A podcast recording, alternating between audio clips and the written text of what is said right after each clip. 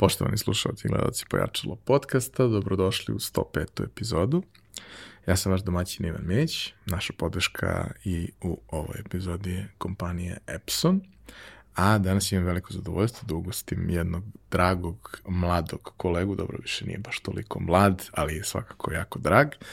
Uh, moj današnji gost je kolega marketar, sportski influencer i e, roditelj influencer, Strahinja Ćalović. Dobrodošao. Dobrodošao i ti meni. Ovaj, hvala, bolje vas našao. Drago mi je da sam gost. A, fan sam pojačala, znam da mnogi to kažu na početku, ali evo da ja ponovim to još jednom. Ovaj, gledao sam veliki deo epizoda i drago mi je što ću se naći u društvu ljudi koji su već gostovali, koji ćete gostovati, jer znam da je selekcija jako dobra, tako da hvala još jednom na pozivu, nadam se da ćemo lepo da se družimo danas. Ne sumnjam da hoćemo, mislim, mi smo se pre podcasta ispričali ceo jedan podcast u suštini i posle podcasta ćemo u trećem polovremenu isto se ispričamo ceo jedan podcast, kako to obično biva. A e, razlog e, zašto si ti danas ovde, e, ima ih više, ali onaj glavni je što m, smatram da a, od svih ljudi koji se na našem tržištu bave marketingom pre svega u oblasti izgradnje zajednica, ti to radiš na, na najbolji način, radiš to jako dugo, krenuo si to da radiš veoma mlad, u vreme kad nije bilo neke konkurencije preterane, ali što je još važnije, nije bilo ni nekog znanja koje možeš da na nekom mestu koncentrisano nađeš, već si ti to negde morao sam da poslužiš sebi u glavi, kao u ostalom i ja i neka ekipa iz tog nekog još ranijeg perioda koja je pravila forume, pravila druge vrste zajednica i to je nešto što mi, što mi je najzanimljivije, ali naravno ne samo to, nego i čitav, čitav tvoj razvojni put koji je opet veoma interesantan i neobičan i ti si još jedan od ljudi koji, koji su u pojačalu, čija karijera je takva da rade stvari koje uh, radi možda sada dosta ljudi, ali na drugačiji način, na, na vrlo, da kažemo, ličan način, prateći neku, neku svoj, neki svoj unutrašnji osjećaj, ovaj, a verujem da je to najvažnije ako hoćeš da praviš nešto što treba da traje. I uh, radiš to na način da vrlo vodiš računa šta i na koji, e, na koji način radiš, jer prosto ako ne vodiš računa i, i gledaš samo kratkoročni interes, redko koja priča može da opstane nekoliko godina, deceniju, jer prosto ta konstantna jurnjava za prilikama i za novcem vrlo često pojede sve ono dobro organsko što se, što se izgradi u toj priči. E, to je sad taj moj veliki uvod. Ovaj, a uh, ono od čega počinjemo kao i sa svim gostima je šta ste obudeš kad porasteš? Znao sam šta je prvo pitanje i ovaj, nekako sam, svaki put kad gledam pojačalo, ti kad pitaš gosta a, ili gošću to, ja odgovorim sam sebi i uvek je odgovor isti. uvek se prisjećam kao šta bih ja rekao. Rekao bih da sam teo da budem košarkaš. A, to je definitivno odgovor jedan kroz jedan, jer sam 10 godina aktivno trenirao košarku i nisam imao apsolutno nikakvu dilemu šta ću da budem kad porastem. A, pogrešio sam iz mnogo razloga, ovaj, ali to je bio definitivno odgovor, to je nešto čemu sam se divio, a, što zbog aktualnih košarkaša tada i uspeha i svega onoga što to sa sobom nosi na nekom nacionalnom nivou, s jedne strane, a s druge strane, a, uvek je važila priča za košarkaše da su oni eto kao sportisti, ali su obrazovani, pametni, fini, neki ljudi. fini, da, pa je bila priča o Radivoju Koraću, pa je on išao na fakultet, pa je opet bio najbolji i tako dalje, i onda kao, aha, to može, tako ću i ja. Ovaj, nisam baš pristao ni na jednoj, ni na drugoj platformi, da budem iskren, ali ovaj, eto, košarkaški je ono, definitivan odgovor i, i uh, nisam to, ali mogu da kažem da sam u srodnim temama. A što se tiče, da kažem, tog nekog uh, razvoja od, od, od najranijih godina i obrazovanja i svega toga, šta je ono što te privlačilo, šta ti je bilo interesantno, kako ti uopšte izgledalo obrazovanje, jer kao uglavnom sad svi kad se prisjećamo, bilo je tu nekih lepih stvari, bilo je tu, a bilo je i trauma Tako je. gomila i za mnogi od nas zapravo traume koje smo povukli iz škole su nas možda sprečile da se realizujemo u nekoj oblasti za koju objektivno imamo talenta, samo eto desilo se da da se ne poklope stvari, da imamo i pravu vrstu stimulacije u tom obrazovnom okruženju. Kako kod tebe to? A, pa kod mene je bilo specifično, a, mnogo toga me je zanimalo, ali stvarno a, i nisam nikad gledao na školu kao bauk, ja sam malo zezao ovde na početku, ali stvarno sam uvijek bio odličan đak i vukovac i tako dalje. Nisam baš završio sve to kako treba, ali ajde, hajde, doći ćemo i do toga. Ovaj, ja sam bio neko ko čim je naučio da čita je počeo da čita enciklopedije redom. Zašto? Ne znam, ali to mi je bio ovaj hobi da uzmem i da pročitam sve od tih dečjih enciklopedija i tako dalje, od korica do korica.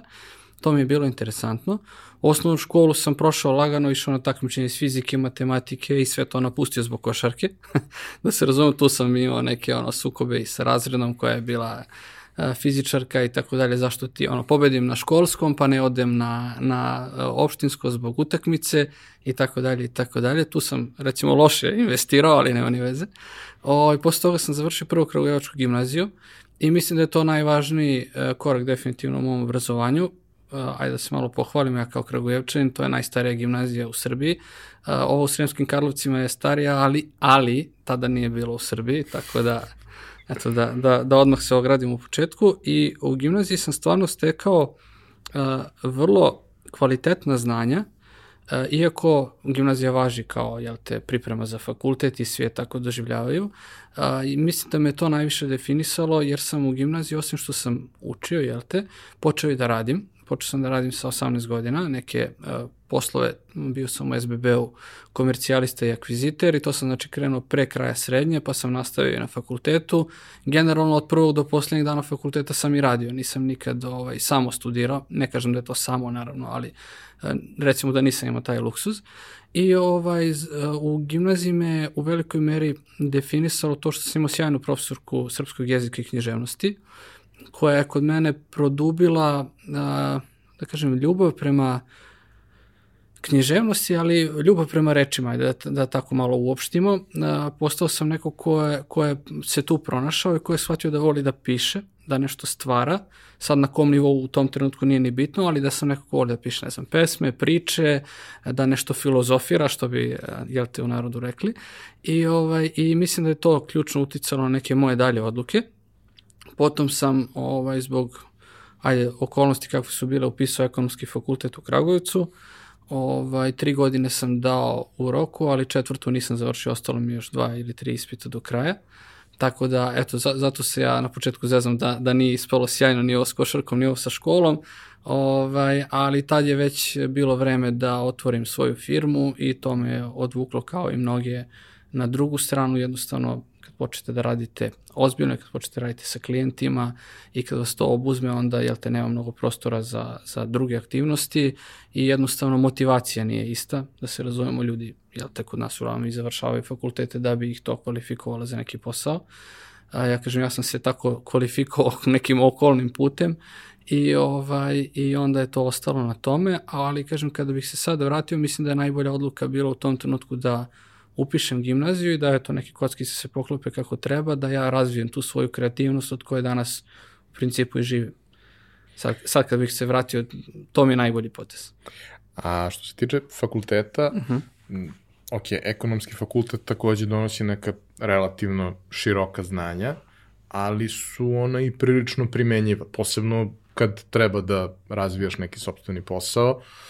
Da, ni jedan fakultet, nažalost, kod nas te zapravo ne pripremi da ti to možeš da radiš. Tako. Ali ti da neku teorijsku osnovu koja je opet bolja nego da upadneš u to bez ikakvog bez ikakve svesti o, o bilo čemu što se tu dešava. Kako ti pamtiš studiranje? Šta, šta je tu za tebe ono, bilo nešto što, te, što ti je bilo interesantno, što te povuklo? Deo studiranja ekonomije je i marketing. Tako je. Samo uglavnom onako baš old school, što ja lično smatram da je vrlo važno kao teorijska osnova i, i početak, jer kao platforme se menjaju, ali poenta je manje više ista već 100 godina. Ovaj, ali kao šta, šta je tebi ta priča sa fakultetom donela? Pa donela mi je neka moja teorija kada je fakultet generalno u pitanju, jeste da je to u već, kod većine ljudi prvi korak gde ste prepušteni sami sebi. Znamo već kako to ide kod nas i u školi, i u osnovnoj, i u srednjoj, aha, imam keca, pa će mama i tata da dođu, pa će tu nešto da pregovaraju, pa neću da baš da ponavljam, nego ću da izađem u avgustu, pa će da mi upišu bolju ocenu, ili ako mi fali ocena više za nešto, to na fakultetu toga nema i mislim da je to najveća prednost fakulteta, jer postanete prepušteni sami sebi. Prijavili ste šest ispita, ne morate da izađete ni ne, samo ste platili ili niste, ako se na tom fakultetu ne plaća, niste dali ove ispite u roku, oni vam ostaju za sledeći rok. Znači, prvi put se suočavate sa realnim obavezama u smislu da jednostavno od vas zavisi. I to je to. I mislim da je to glavna korist fakulteta. Ja sam konkretno ovaj, potpuno, ne mogu da kažem krenu potpuno pogrešnim putem, ali ja sam izabrao finansijski smer. A, gde je bilo minimum marketinga kojim se danas bavim, znači potpuno jedna paradoksalna priča kad je ovako pričam, a, zato što je a, se tu dobijalo zvanje diplomiranog ekonomiste. Ako je išao na marketing, on je dobijao zvanje diplomiranog menadžera. I ja sam želeo da budem dipl ECC, to mi je bilo ovaj, u fokusu. I onda sam se odlučio za taj smer koji mi je svakako bio manje privlačan, ali kao eto, to je zvanje. Onda su u toku studija izjednačili ta dva naziva, u principu tu sam tek shvatio da sam pogrešio, ali mi je donalo neka znanja, opet kažem, iz oblasti financija, ovo što si ti pomenuo kad se sudariš sa realnim svetom i kada shvatiš da neke stvari ipak ne možeš da prepustiš slučaju. Da neke stvari ipak moraš ti da uradiš, makoliko ti bile teške, ti si taj, neće niko drugi da ih uradi za tebe. Pritom ne mislim samo na mamu i tatu, mislim na bilo koga iz okruženja, bilo koga s kim radiš, bilo kog tvog kolegu. Znači, stiče se neka, neka, ne, neko znanje o odgovornosti odgovornosti i neka svest o odgovornosti. Kažem, meni je konkretno fakultet dosta pomogao u tome, iako sam počeo da radim i pre toga, i pomogao mi u tome da ipak neka ova osnovna old school znanja mislim da su neophodna. Ok, svi se slažemo manje više da, je, da su sistemi malo zastareli, da gradivo treba da se menja, ali svakako nisam za to da se u bilo kojoj oblasti, od prava pa sve do, ne znam, medicine, ekonomije i tako dalje, preskaču ta neka old school znanja, da se preskače nešto što je osnov svega jer mislim da bez osnova e, svaka nadogradnja može da vrlo lako pođe u nekom pogrešnom smeru. Tako da kažem, ja sam postao financijski dosta pismeniji, jer, jer ta, kao što rekao, gimnazija nema neka specifična znanja, već ide u širinu. Ovaj, stekao sam neka financijska znanja i mnogo toga mi danas koristi u nekim svojim odlukama, u donošenju ovaj odluka u kom smeru pre svega da krenem i, i koje su posledice. Mislim da me fakultet naučio da a, sagledam rizike na pravi način Znači da postoji ona neka, ona neka savest na ramenu koja mi kaže, ok, može to, ali zbog toga moraš to, to i to, pa sve to može da se obije u glavu ili da bude ne baš kako si ti to zamislio. Tako da kažem, me, za mene je to lično bila najveća prednost ekonomskog fakulteta. Um, rekao si da si još u srednjoj školi krenuo da radiš i uh, ja uvek volim ljude koji imaju takvu vrstu priča, u većini slučajeva te priče su uh, posledica moranja, možda ne direktno moranja, ali svesti da bi svima bilo lakše kada bi postojao još neki prihod ovaj, u kući. Uh, naravno, nema svako takvu situaciju. I lepo je kada neko nije u poziciji da mora, ali želi pa, pa nešto napravi. Ali za većinu nas uh, ti prvi poslovi su zapravo uglavnom bili poslovi ne kojih se stidimo, jer ja se ne stidim ni jednog posla koji sam radio, to mi je sve potpuno ok, ali poslove koje ne želiš da radiš 10 godina kasnije. Tako. Od nečega mora da se krene, sve je to ok, sve su to sve su to poštene stvari koje su pristojno plaćene, ali kao ne, ne želiš da budeš akviziter i 10 godina kasnije, ako imaš neke ambicije u životu. Ali sećam se, davno smo pričali neko, neko društvo i sad kao analiziramo neke CV-eve, Kako to obično biva, klinci koji dolaze sa fakulteta, ono, nema, nema ništa u CV-u. Mislim, stavio je gomilu stvari koje u suštini nikog ne zanima, da je slušao neke mm, studentske konferencije i to kao, znači, svi imaju iste, sve to stoji, ali kao realno radno iskustvo ne postoji. Sad analiziramo na, na primjeru dva CV-a koje su gotovo identična, ali jedan ima da je dva leta radio u istom fast food. I kao, on. Pa što ona ne, pa mislim, treba pričamo i sa jednim i sa drugim, ali ovo je dva leta radio na istom mestu, dakle prvo leto je već bio odgovoran pa je mogao da radi i drugo, što je cool, radio je na poslu gde je zahteva ono, dobru organizaciju, odgovornost, da vodi računa, da pazi, nego, pa da kao to nema nikakve veze sa ovim poslom. ima veze sa svakim poslom. Tako je. Ta vrsta odnosa prema radu ima veze sa svakim poslom. Ne znaš nešto konkretno što treba, naučit ću te, nije problem. Naučit ću te ako imaš volje, želje, ambicije, ali kao ako nisi odgovoran i ako si vrlo često istraumiran kućnim vaspitanjem da ne smeš da pogrešiš ništa, a ako pogrešiš da se praviš mrtav i da se nadaš da neće niko da primeti, to je najgora stvar koju možeš da doneseš u sistem kao što je sistem u kome ja radim. Uh, prosto odgovornost je stvar broj jedan. Može da se pogreši, svi grešimo, to je potpuno u redu. Ali kao posledice toga mogu da budu daleko veće ako to ne iskomuniciramo na pravi način kako treba, ako svi ne preuzmu odgovornost i tako dalje, tako dalje. Dobro da sad pričam mnogo o svemu tome, ali poenta toga što sam hteo da kažem je, krenuo si sa, sa takvim nekim stvarima, kako ti se dalje razvijalo prosto i to što si radio i prilike koje si dobio i stvari koje su te interesovale, pa koje su onda prerastale možda u nešto što je posao? Pa izgledalo je ovako. A, te 2008. recimo, kad sam imao 18 godina, počeo sam da a, delim račune za kablovsku i to sam radio neko vreme, ajde da kažemo uspešno, odnosno odgovorno u tom smislu, nema sad tu nekih a, ovaj, nema sad tu nekih posebnih zasluga osim, da kažem, toga da ste odgovorni, da to odradite kako treba. Onda se otvorila opcija, pošto je neko otišao iz firme, da se i naplaćuju računi, što, sam, što su ponudili meni gde vi dobijate procent, znači isto je SBB u pitanju i naplaćujete jednostavno kablovsku, ali procenat od toga, ne znam, 2 ili 4% ide vama. Za ljude koji ne žele da idu u poštu, ne mogu da plaćaju online, još tada, pričamo sad već koliko ima, 13 godina od tad, i ovaj, vi dobijate procenat od svega što naplatite i to radite svaki dan. I to me je naučilo a, za početak ovome što sad radim, a to je da radim svaki dan. I iako to zvuči kao fraza, to je tako. Mislim, ja nemam neradne dane, a vrlo često nemam ni neradno vreme. I tako uglavnom definišem svoj sadašnji posao. Međutim, da se vratimo malo unazad. Pravimo, o... samo da ti kažem, pravimo e, influencerski profil, zajedno radim svaki dan. to fali, to fali, da pravimo zajedno, da podelimo to koliko ima posla. E, da ljudi znaju. E, u svakom slučaju, a, a, nakon toga, kažem, otvorila se ta dodatna prilika da dodatno to radim u Kablovskoj i prihvatio sam i tu sam recimo dok e, odem pre fakulteta pa ili pre škole odnesem pazar u Kavlovsku, oni tamo prebroj, kažu dobro, odnesem priznanice koje sam naplatio i to je odgovornost kao takva. Mislim, jednostavno imate neke pare u novčaniku, imate 50.000, 100.000 dinara u novčaniku, koji nisu vaše, vi ste prilično mladi. ovaj, I to me naučilo odgovornosti i tu sam stvarno, kad, kad je novac u pitanju, dan danas sam takav, vrlo sam egzaktan i, i a, nikad ne koristim novac koji nije moj. Jednostavno, tome me to naučilo. Ovaj, I kažem, to se tako razvijalo, onda u nekom trenutku kada je se fakultet malo ovaj, da kažem, uhvatio neki zalet i kada sam počeo da dajem ispite i tako dalje, onda je to već zaista postalo jako naporno da radim jedno i drugo I onda sam odlučio da, da radim nešto što me manje opterećuje. Postao sam sportski trener, s obzirom da sam dosta ove godine trenirao unazad uh, košarku. Počeo sam da radim u školici sporta sa najmlađom decom.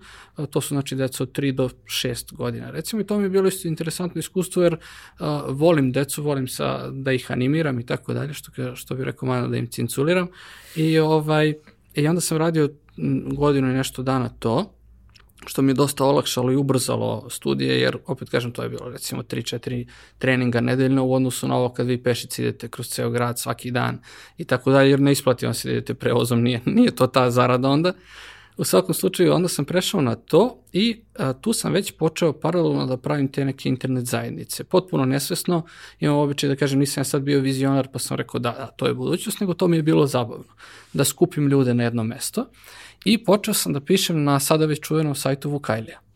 Zašto? Nemam pojma, jedan dan sam otvorio nalog i počeo sam da pišem neke definicije, to mi je bilo interesantno, odnosno to je nadograđivalo ovo što sam pričao o srednjoj školi, da sam shvatio da ja volim nešto da pišem, a svako ko voli da piše, verujem da voli da neko to i pročita i Vukajli u tom trenutku bila odlična platforma za to.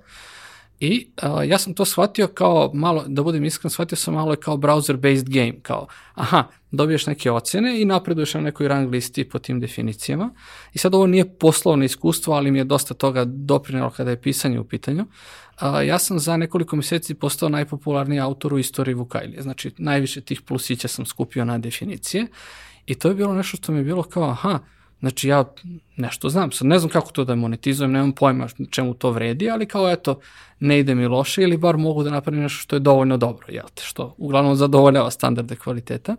I u jednom trenutku uh, sa tadašnjom devojkom, sadašnjim suprugom sam gledao uh, veče sa Ivanom Ivanovićem, to je znači sad već 2011. godina, čini mi se, gde je on na kraju rekao da imaju uh, uh, audiciju za scenaristu novog, da ljudi pošalju svoje radove na taj taj mail i to je to i sad zvuči ovaj malo nadmeno, ali ja pobedim na tom konkursu, pošaljem te neke definicije što sam pisao na Vukajli, pošaljem neke svoje aforizme, ajde da nazovemo to aforizmima jer nisam bio profesionalac u tome i posle dva dana, tri mi stiže mail, je, zdravo Ivanje, kao kad možemo da se vidimo, da se dogovorimo i to.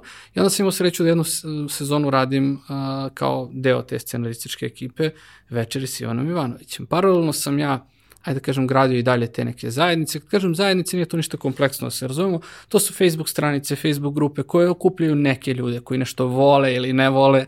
Znate već ono, neke, neke osnovne... Polarizacije. Ove, da, polarizacije, mislim, od toga se i živi.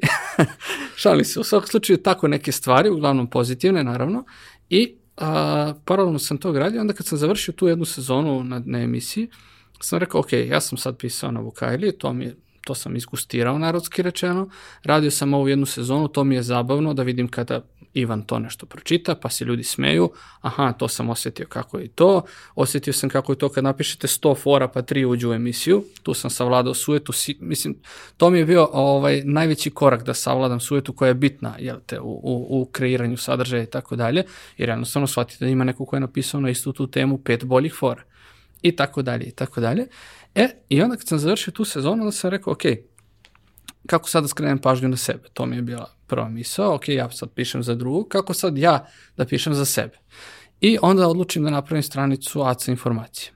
I u tom trenutku, opet kažem, nimalo vizionarski, nije mi to delovalo kao nešto od čega ću bilo šta da dobijem, nego jednostavno kao... Dobro, to nije ni bilo vreme u kome su takve stvari mogle da se komercijalizuju. Apsolutno, apsolutno, delovalo je da društvene mreže imaju vrednost nula, bar u mojoj glavi imaju vrednost zabavnu, pa će neko da me vidi, pa će da me zove da neka nešto opet pišem.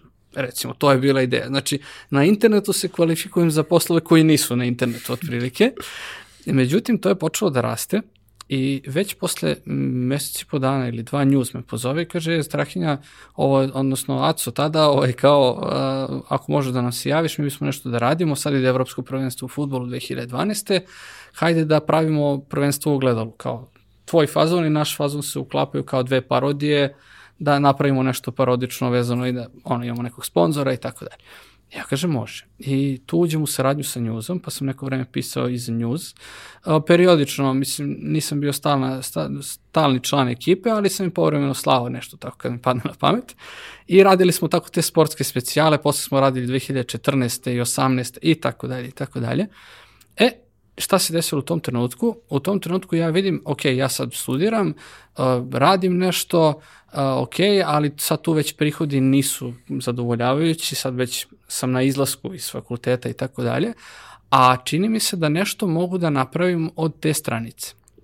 I u tom trenutku ja vidim, aha, sportski portali, pogledam, odem na sve veće sportske portale u Srbiji, pogledam njihove medija kitove i kažem, aha, njima baner za milion prikaza, košta toliko i toliko para, ovaj baner košta toliko i toliko, aha, ja već u glavi izračunam e, koliko poseta, koliko para, koliko bih ja mogao da donesem sa svoje stranice i tako dalje i koliko ljudi bi tu moglo da radi. I uh, odlučim ja pozovem nekoliko njih s kojima sam mogu reći prijatelj već u tom trenutku, da radimo na tom sajtu. I uh, mislim to su mi sad najbolji prijatelji danas, da se razumemo, i kao, ajde mi da napravimo naš sajt, ja ću da generišem saobraćaj sa društvenih mreža, tu, to košta toliko, prezentujem ja njima plan koliko ćemo mi da zaradimo, kao ono pera koja je super genije. I ovaj, nas četvorica, petorica krenemo da radimo to i napravimo mi u roku od nekoliko meseci sajt sa milion poseta mesečno. samo sportske vesti. Znači, zvao se Sportinfo, CRS, jako nesrećan domen u tom trenutku, ali to su bili neki početci. I napravimo mi milion poseta mesečno, odnosno 30-40 hiljada poseta dnevno. Umeđu vremenu, ja dok sam se raspitivao kuca na razna vrata, pričali su mi a treba, da bi zarađivao trebati hiljadu poseta dnevno, 5 hiljada, 10 hiljada i stalno su mi povećavali taj prag koji mi treba. Kad sam došao do 30-40 i kada je prihod bio nula, rekao sam, ok, gde je granica, odnosno gde je limit za, za, za bilo kakvu zaradu, onda sam shvatio to ne ide baš tako da, da biste bili ozbiljan medij, treba da imate i ozbiljno neko uredništvo i ozbiljne reklamne aktivnosti i ozbiljan prostor i ozbiljne servere i sve ono što ide, što običan čovjek, jel te, ne zna. I onda sam odlučio da taj sajt koji zaradio nula para, na kom smo mi radili skoro 8-9 meseci aktivno, ugasim. I onda sam rekao, ok, ja mogu da donesem milion poseta mesečno, što sa ACE, što sa srodnih stranica koje sam pravio o futbolu, košarci, tenisu i tako dalje. I kao ček, ja onda to mogu nekom da prodam. Znači, ako on to prodaje nekom tamo, nekom klijentu, ja mogu da budem prva ruka, da mu donesem taj trafik i da on meni nešto plati. I onda sam počeo da radim sa sportskim sajtovima E, i tu je moja fakultetska ovaj, karijera krenula nizbrdo, jer sam tu već počeo da zarađujem novac koji je za mene u tom trenutku bio ozbiljan, značajan i sve što je, jel te, novac predstavlja za jednog običnog čoveka, mladog. I onda sam krenuo, aha, ok, ja mogu njima da donosim trafik, šta mi treba za više trafika, treba mi više stranica, daj da pravimo više stranica i tako dalje i tako u krug, ovaj, kao neka piramidalna šema, ali koja ima, ima neki osnov, nije, nije, nešto isporučuje, odnosno isporučuje taj trafik. I u jednom trenutku ovaj, uh, sam počeo da radim sa više medija, jer su počeli da me zovu i ovi i oni, jer su svi osetili da tu ima neki trafik, da je on, da mogu da ga preprodaju kako treba i tako dalje, ili bar kao nazovi uticaj. I uh, paralelno s tim je počelo da mi se dešava da me zovu klijenti, znači ja, ja to kažem pravi klijenti jer kao mediji su ono, živa trafika, a pravi klijenti moraju da prodaju nešto još dodatno i uh, to su bile kladionice. A, zašto su bile kladionice? Pa zašto njima bilo logično, aha, društvene mreže su tu, ne znamo šta da radimo s njima, evo ti vodiš kladionice i sport, to je 90% preklapanja, ajde ti da vodiš ovo, hoćeš, ja kažem, hoću, mislim, vodim svoju stranicu, vodit ću i vašu, ko da je moja majke mi. I, ovaj, i tako ja počnem da radim s kladionicama još 2014. čini se, 13. 14. Znači, baš dugo. E, onda sam ovaj, radivši to, tu je već sve to počelo se diže na ozbiljan nivo i onda su počeli mi se javljati i drugi klijenti iz drugih oblasti, iz drugih industrija. Onda sam 2015. napravio firmu koja se time jel te bavi, vodi agencijski klijente i danas, evo, ono, fast forward 6-7 godina, ili brzo unapred, da, da kažem na srpskom, eto, i, da, i dalje se time bavim, znači vodimo društvene mreže za klijente, ne više Facebook, pre je bilo teacher da mi kačiš na Face, sad je teacher da navodiš društvene mreže, što je, jel te, neka emancipacija u tom internet smislu, i uh, sa strane sam, uh, ljudi uglavnom misle da mi je to primarno, a zaista nije, uh, bavim se uh, tim influencerskim delom posla i bavim se edukacijama to, to su neke tri stvari koje su mi, ajde da kažem, ne kažem da su sve tri primere, jer sam upravo rekao da nije primarno, ali to su glavne tri stvari koje radim i tako je nastalo spontano, slučajno, uz mnogo rada, truda i praktičnih iskustava u smislu i dobrih stvari i grešaka. Ono što je vrlo zanimljivo, kad, kad pričamo sa mladim ljudima, mislim u odnosu na mene su sad ovde svi mladi u principu, ovaj, kad pričamo sa mladim ljudima koji, koji se bave kreiranjem sadržaja, sadržaja je danas na internetu suštinski najveća vrednost. Um, dosta njih je poteklo sa, sa Vukajlije iz tog nekog yes. vremena. I ona zaista jeste bila neko, neko centralno mesto. Posebno kad je to bilo postavljeno tako da uh, suštinski ima definicije, komentarane definicije. Kad su došli posteri, uh, to kao, posteri su mimovi pre mimova u suštini, mislim, za da. naše tržište. Kao, to je postalo neuporedivo masovnije, a nije to više to.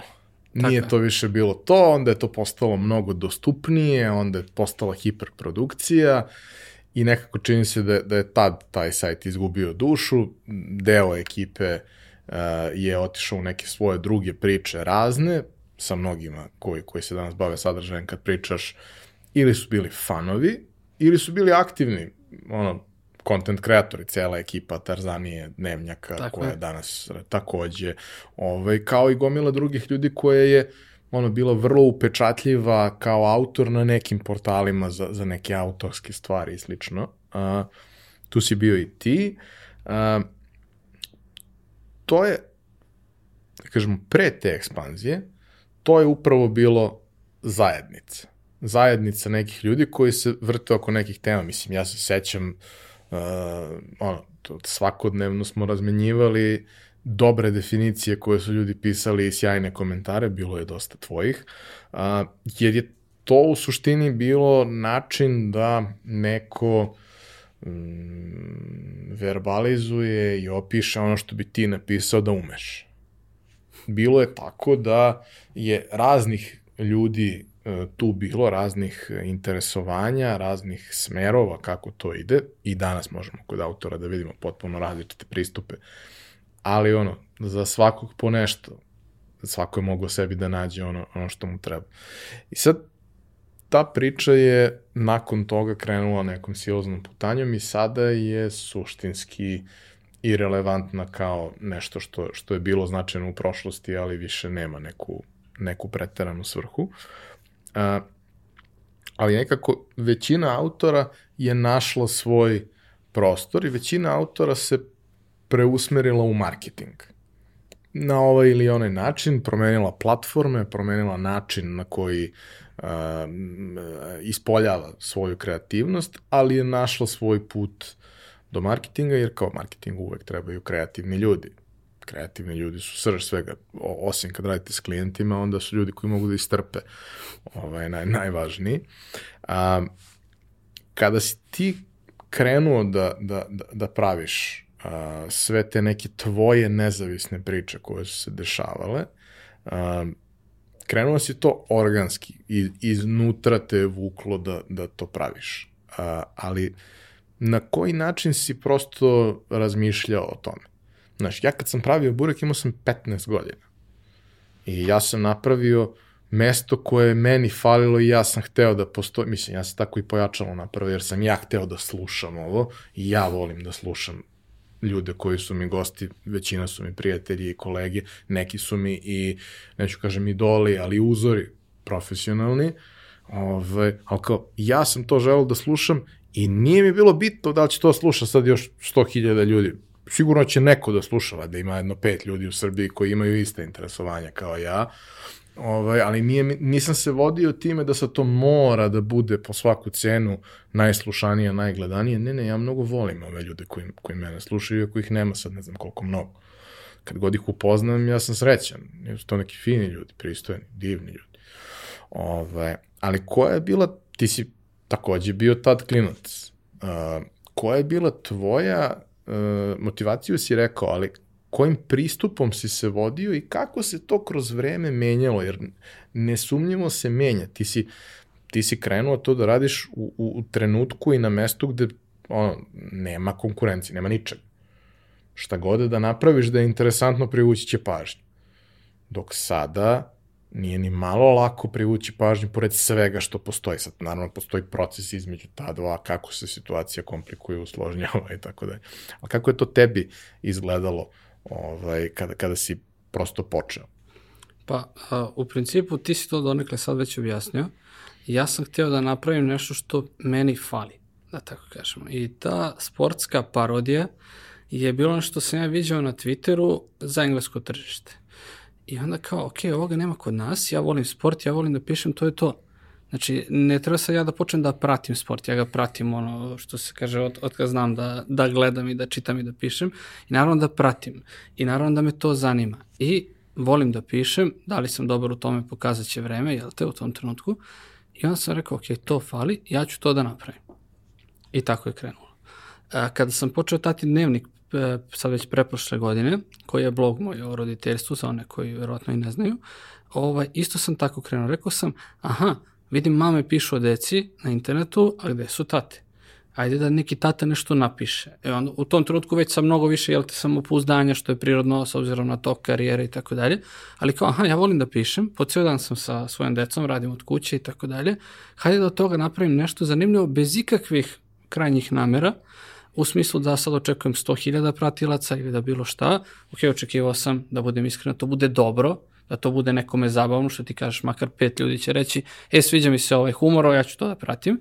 I ja sam to počeo za svoju dušu i ovaj, isto je bilo nešto što fali. I, i mislim da ću verovatno, ako se i nadalje budem bavio internetom, uglavnom praviti projekte za koje ja mislim da u tom trenutku nedostaju. Da li je to zajednica ili neka platforma ili neki sajt ili šta već šta god to bilo, koji god oblik to bio ovaj, bivstvovanja na internetu, mislim da će to biti stvari za koje ja u tom trenutku kažem, aha, ovo nemamo. Ili ga nemamo dovoljno dobro. E, da, ili, ili ga nemamo uh, uh, uopšte ili nemamo dovoljno dobro, ili, uh, kako da kažem, uh, uh, to jednostavno nije uh, uopšte razmatrano kao opcija kod nas. Znači, ne mislim sada, ok, u bukvalnom smislu uzeti nešto iz inostranstva i doneti ovde, ali nešto što je možda hibrid onoga što već vidimo, pa ajde da kažemo da postoji u nekoj novoj formi, eto, da, da budem precizni. Svetsko naš. Pa da, recimo da imamo tatin dnevnik umesto svih maminih, ne umesto nego paralelno i sa mamećim stranicama, jer ono, koliko ima očeva, toliko ima i majke, mislim, to je otprilike uvek jednačina, ovaj, tako, da, tako da kažem, eto, to mi je bila ideja, i eto, kažem, Macu stranicu vodim već 9 godina, a tati dnevnik je ulazi u, ušao u drugu godinu i mislim da sam i sa jednim i sa drugim uspeo da neki prostor popunim. Znači neki prostor. Kad tih stranica ne bi bilo tu, ne bi bilo ništa drastično drugačije u svetu, ni kod nas, ali bi taj prostor bio prazan. Ja sam taj prostor popunio i mislim da je to eto bila neka ideja vodilja. I mnogo ljudi se pokrenuo da razmišljaju da probaju oni nešto svoje sa više ili manje uspeha, da li u sličnim oblastima ili opet u nekoj oblasti sa kojoj su oni primetili da možda nije dovoljno uh, ne kažem sad eksploatisano, to baš zvuči, baš zvuči loše, da. ali nije dovoljno zastupljena, nije, nije na pravi način predstavljena. Uh, e sad, ja bi da te vratim nazad, jer ja volim tako da tumbam ljude i da ih traumatizujem pred kamerama. Uh, ono što sam ja lično primetio kod sebe i kod dosta ljudi sa kojima, sa kojima pričam, a, da taj sportski background, čak i ako se nije realizovao kroz karijeru u profesionalnom sportu, nego je bio na nivou tih nekih uh, juniorskih dana, 6, 5, 7, 10 godina odrastanja u sportu, je zapravo velikoj većini ljudi koji se opredeli za neki oblik preduzetništva ili možda ne preduzetništva, ali tog takvog pristupa, te energije u poslu, sport im je doneo jako mnogo. Uh, I ima sad raznih razloga za to. Jedan od njih je evidentno i to što u sportu se ništa ne dešava odmah i ništa se ne dešava u kontinuitetu odmah. Ti možeš pogodiš neki šut koji inače ne pogodiš, ali sledeći put ga nećeš pogoditi, niko nema sreće dva puta. Ovaj, Mislim, ima ih, ali to, to, to je baš redko. Mora upadneš u čarobni napitak kad si bio mali. Ovaj, šta je tebi donelo bavljenje sportom i kako je ono izgledalo za tebe? Zato što uh, čini mi se iz, iz, iz, iz prethodne naše priče da je to nešto što kao s jedne strane ti donosi neke navike dobre i sve to, a s druge strane poznaješ i neke ljude, vi ste na jednoj zajedničkoj misiji, uh, usadi neke jako dobre vrednosti i stvori neka prijateljstva koja su za ceo život, a bez obzira na to što kao, znaš, svi smo tu došli sa jednim ciljem, treniramo to, ali na kraju svi završimo na različitim mestima. Da. I to je opet neka velika vrednost koju iz jednog ono, izvora dobiješ toliko raznolikosti u svom životu što, što je nekako uvek važno. Pa, bit ću, kao i do sada, jel te, potpuno iskren, većina ljudi će uglavnom reći da je to neki timski duh i da su to neke takve stvari. Kod, kod mene jedan drugi duh je bio glavni kad je sport u pitanju, to je takmičarski duh. Znači, ja sam neko koji je uvijek volio da se takmiči, da ako radimo vežbu popularna, ne znam, samoubistva i tako dalje, da stignem prvi da, da, da, iako kažem, naravno da timski sport uči timskom duhu i naravno da je to jedna bitna stvar i neraskidiva kada je u pitanju i stvarni život posle sporta, ali mislim da me najviše naučilo u tom takmičarskom duhu, da sam ja iz nekog razloga od uvek mnogo voleo brojke ja sam bio neko ko je vodio svoju statistiku koliko je poena postigao i tako dalje. Imam pune rokovnike tih svojih statistika i tako dalje. Peđi Stojakoviću sam vodio statistiku kad nije bilo isto, interneta, isto. pisao u svesku. I ja nekako cijel život volim brojeve, jer uh, pretpostavljam da kroz brojeve mogu lako da odredim da li u nečemu napredujem ili ne bar tako mi je mozak postavljen. I tako je bilo i u sportu. Ja sam uvijek gledao da budem bolji nego prošle sezone, bolji nego u prošle utakmici, naravno ne uspeva to uvek. Tako da kažem, meni je sport donao taj takmičarski duh, pre svega, a, i taj, i taj a, naučio sam da to, ako banalno zvuči dosta, ali ako ti trener kaže da uradiš 20 trbušnjaka, i ti ih uradiš 20, a svi ostali ukradu po 5, 10, 15, a ti ih stvarno uradiš, ti si posle spremniji od njih. I to je to. I tako i u životu. Znači, ako ne zabušavaš, ti imaš efekte. Ako zabušavaš, možeš samo da kažeš, da ne budeš iskren prema sebi pa da se pitaš zašto je to tako. Naravno, uvijek ima i sreće koja je ono, faktor koji utiče na sve nas, li mi to ili ne. Ali, kažem, u sportu sam naučio, znači, da jednostavno ne, ne radim protiv sebe.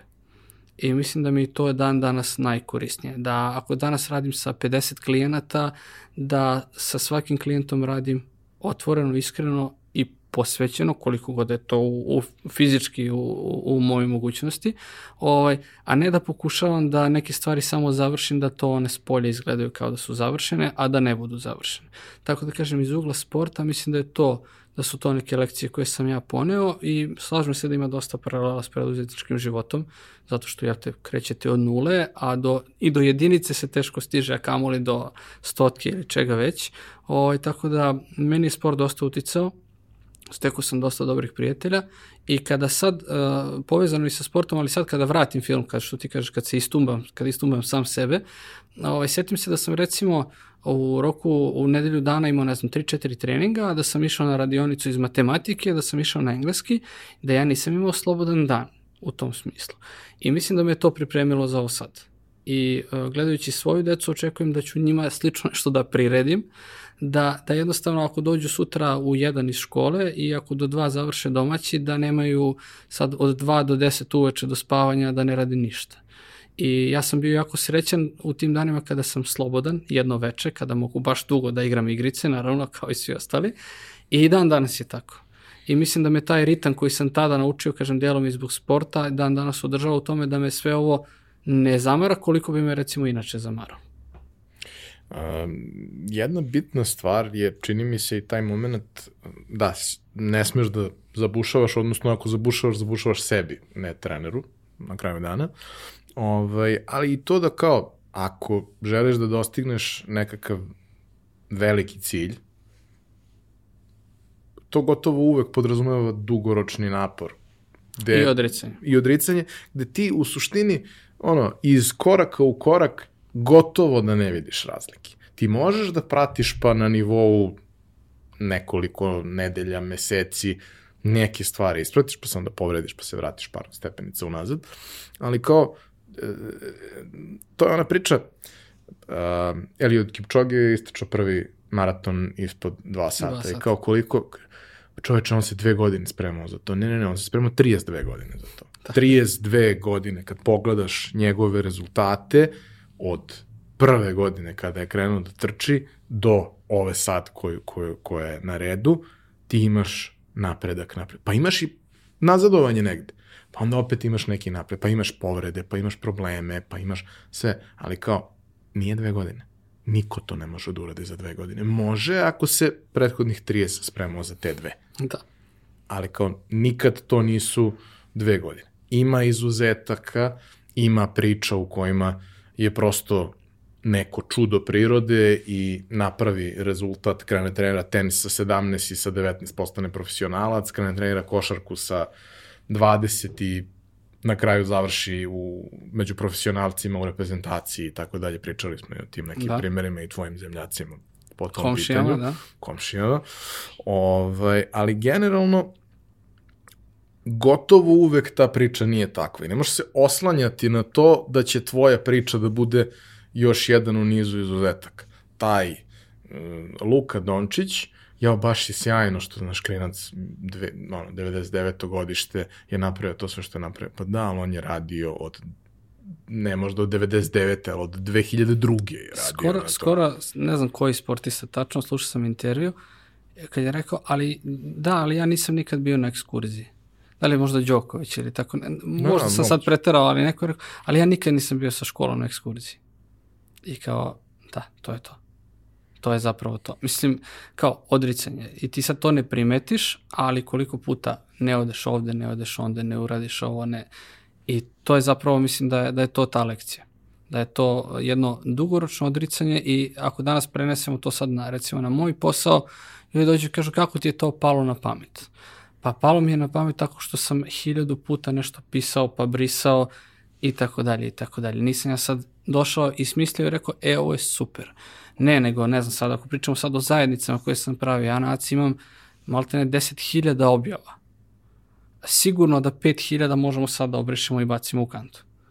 Ali je, neka je nekog zaintrigirala, dovela nekog novog, rekla, e, vidi, ovo je duhovito. Neka je nekog iznervirala. Naravno, Dobro. da, ovo je korisno, ovo je super, ne, ovo je bez veze, ovo ću da otpratim. Naravno da je bilo i takvih situacija. Tako da kažem, mislim da je to jedan proces i mislim da mi generalno kao društvo, o, što bi se reklo, živimo u društvu u kome se taj proces ne poštuje niti se pominje dovoljno. Iako su nama sportisti idoli, us- mi smo nacija koja voli sportiste i zaslužili su da ih volimo i tako dalje, ali se često a, a, zanemaruje taj deo do tog trenutka, do tog postolja u najboljem slučaju i taj trenutak se često zanemaruje i kod uspešnih ljudi. E, I mislim da smo svi mi nekako a, naučeni, pričamo o mojoj generaciji o mlađima, da a, je uspeh samo pitanje trenutka i da se dešava jako brzo a da pre toga ne postoji ništa. I zato imamo društvo gde svi žele da budu poznati, gde svi žele da budu sportisti, ali da ne treniraju baš puno i da mogu malo i da se napiju i da mogu malo da idu na ekskurziju i da mogu malo i ovo i ono, ali da na kraju ipak stanu rame uz rame sa tim koji se odricao svega toga. Tako da mislim da mi često zanemarujemo ceo taj proces. Bilo je to Dončić, Đoković ili neki preduzetnik ili vlasnik neke agencije na kog se ugledate, a, uglavnom se zanemaruje to sve što je bilo do tog trenutka.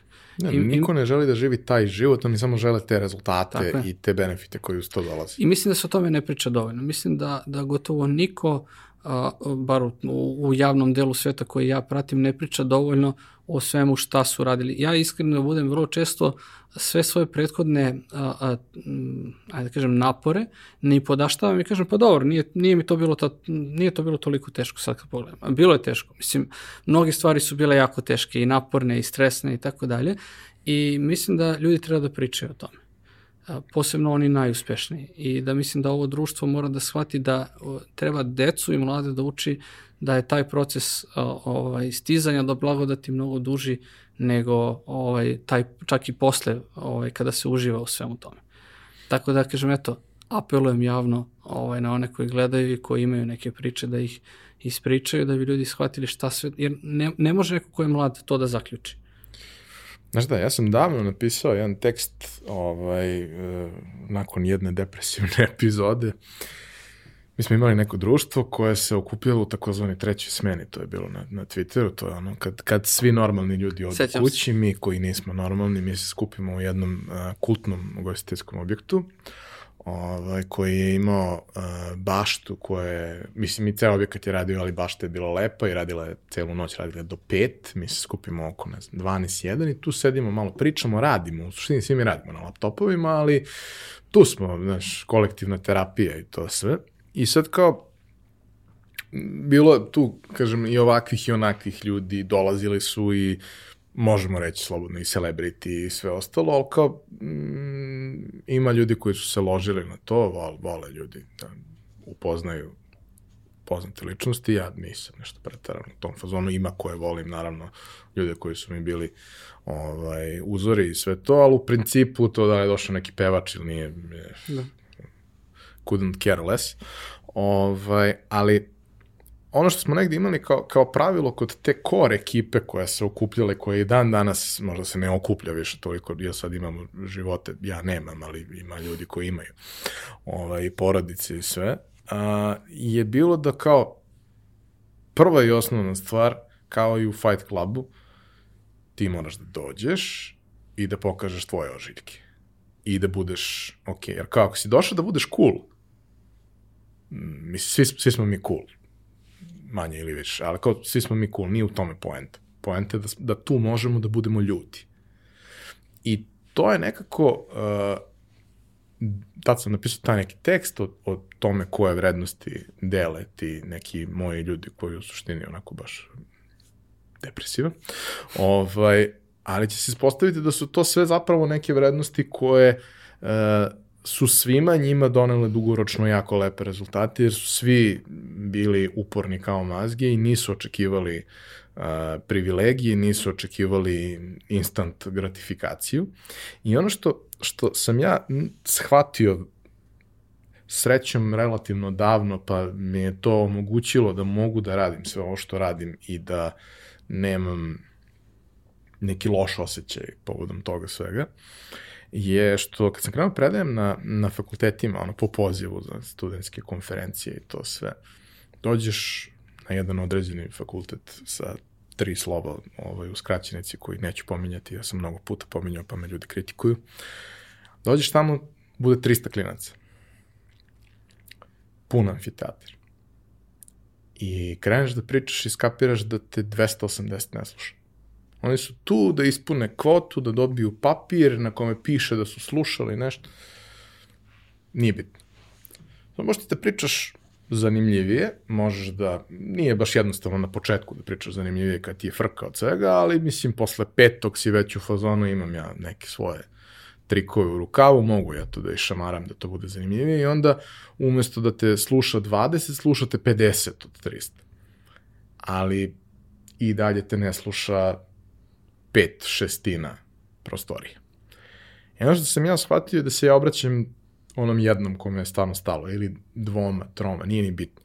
I vremenom sam upoznao tu decu. I sad kao prošlo je više od deset godina od kad je to sve počelo, ja sve njih znam, znam gomilu njih sa, sa razvojnim putevima i znam koliko im je to značilo. Koliko meni znači što sam nekome vratio, makar deo onoga što su meni neki ljudi davali kroz, kroz moj razvoj.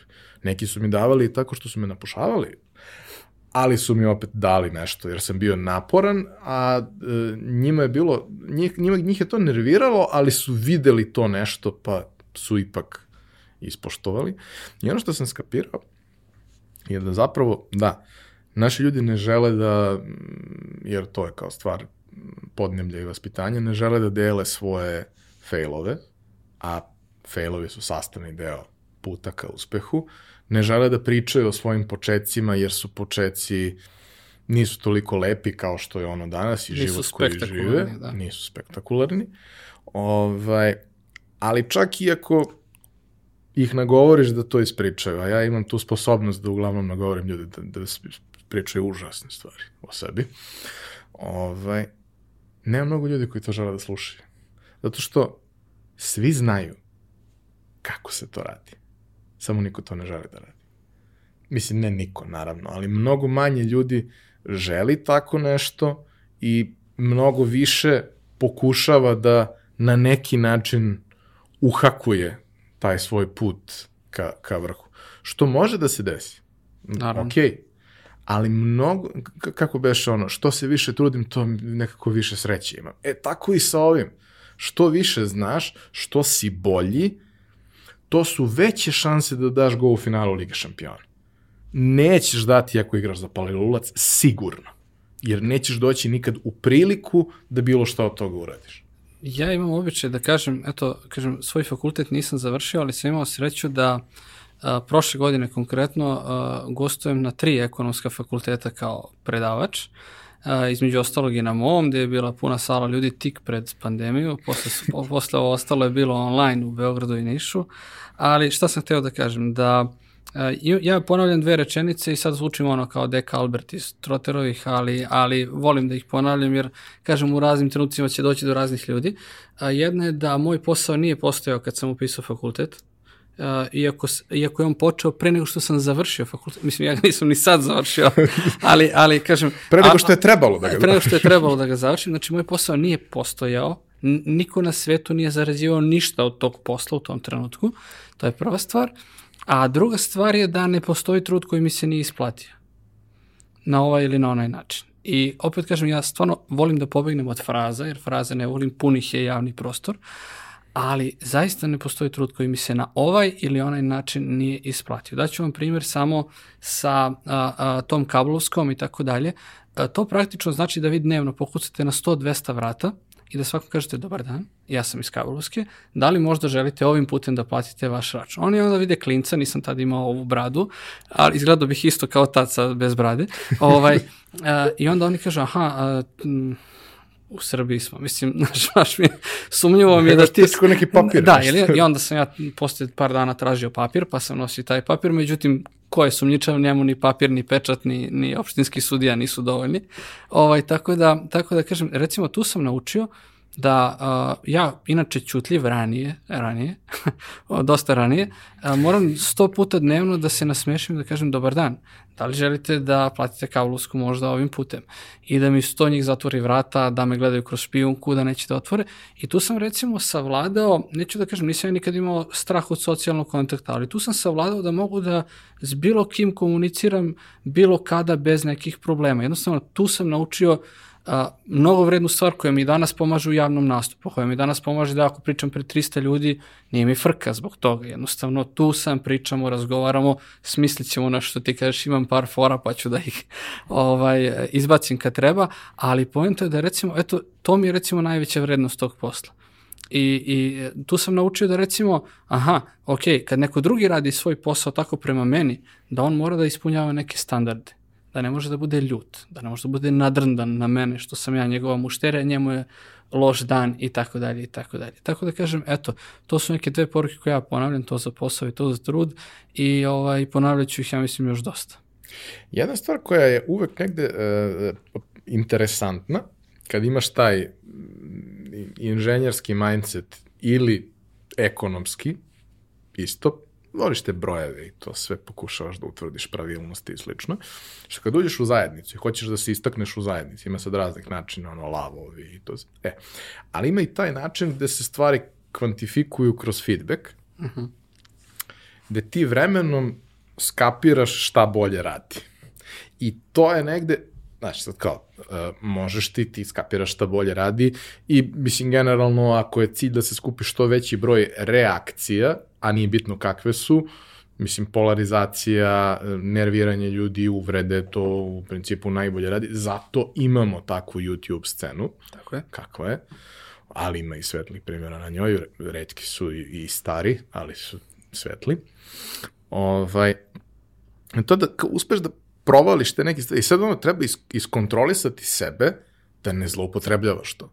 Da to koristiš, jer treba da koristiš, ima smisla da koristiš, ali da to doziraš na pravi način i da ostaneš svoj, ali da daš i ljudima baš ono što, što su oni, pošto su oni došli na neki način. Jer u suštini, koliko god to sad možda bilo e, preterano, ja dosta često volim tako da, da odem da, u ekstrem neki potpuni, ali kao, kad živiš, brate, ovde, takve stvari ti služe da preživiš dan Ono kao, ja se sećam, Tarzanija je redko izbacivala tekstove nakon nekog inicijalnog perioda kad su svi imali potrebu da izbace nešto iz sebe. Uh -huh.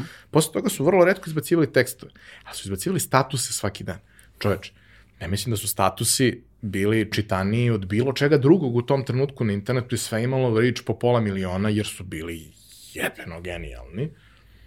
Ali kao, meni je to bukvalno u nekim periodima koji su stvarno bili užasni za, za posao i za samim tim i za život, meni je to pomagalo da preguram dan. Kao što mi danas pomaže da gledam neke stripove gde ljudi crtaju dinosauruse i razne druge stvari koje me, međusobno komuniciraju i prenose te neke dubinske poruke koje, koje ja osjećam. A, Elem, raspričao sam se to s tobom uvek tako i jebi ga, izgleda tako.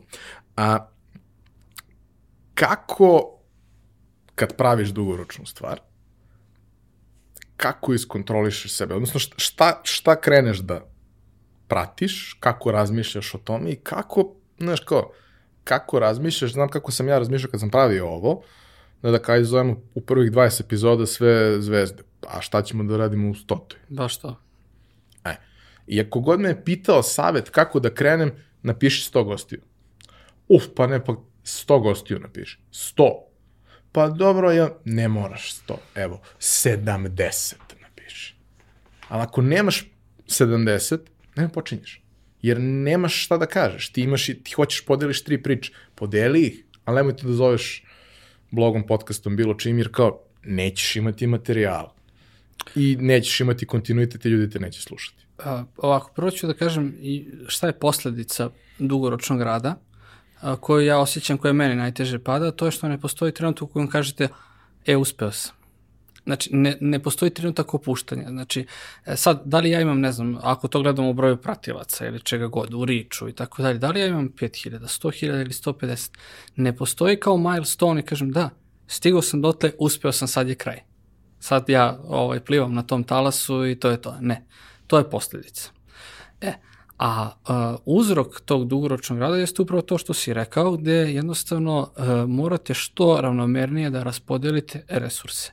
Resurse ne samo u smislu financijske, nego i vaše možda kreativne kapacitete i tako dalje, da jednostavno razmišljate stalno unapred. Mene ljudi sad, pošto sam ja kažem postao influencer više puta, što je ljudima interesantno u različitim oblastima, pitaju kako da postanem influencer, jer kao što smo rekli, zanima ih onaj cilj, aha, to je super, neko ti da novac i ti nešto se slikaš nekim proizvodom i to je super. Međutim, ja kažem ljudi ovako, biću surov, evo, o, biću i sada, a, ako imate pet odevnih predmeta, vi ne možete da budete modna blogirka, jer ćete da ih potrošite u roku od nedelju dana, je li tako? Ako vi imate ideju da pišete o nečemu, a, bilo da je to, ne znam, o fotografiji, i ako imate jedan fotoaparat i znate samo s njim da rukujete, a, odnosno samo njim da rukujete, da budem precizan, vi nakon mesec dana više nećete imati o čemu da pišete jednostavno morate da razmišljate dugoročno. Ovo što ti kažeš, napiši 100 gostiju, ja isto tako kažem, smisli šta ćeš raditi prvih šest meseci. I da se razumemo, za tih šest meseci imaćeš nula prihoda, a verovatno ćeš još dve godine posle tih šest meseci imati nula prihoda.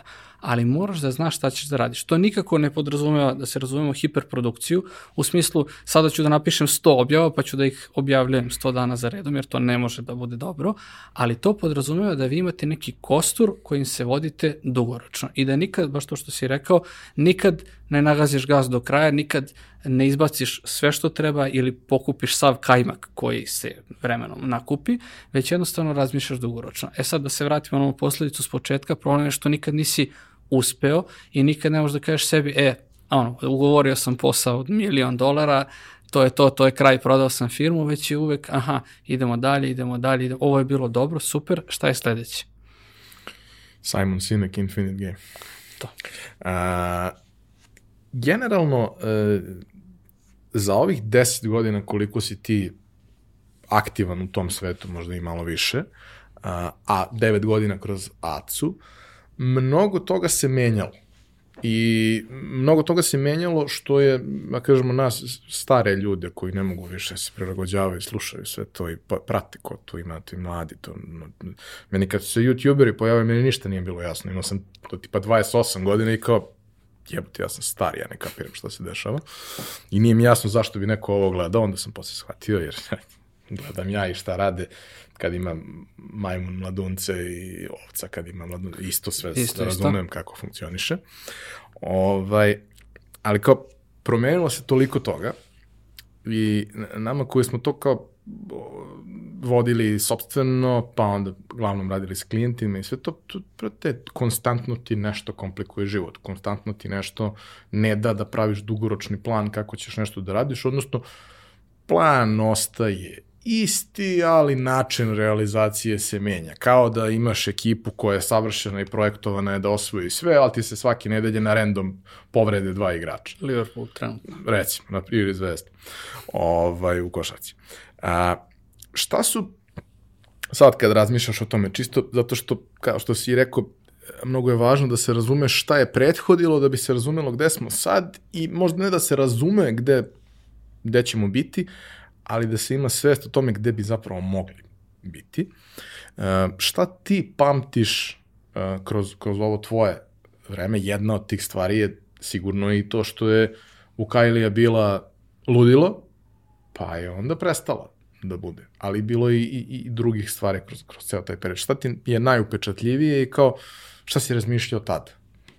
A, na što misliš trenutno? Šta se Promene najviše na promenilo? mrežama, da. Pa, prvo promenio se Facebook. ljudi više Facebook doživljavaju na potpuno drugačiji način nego tad.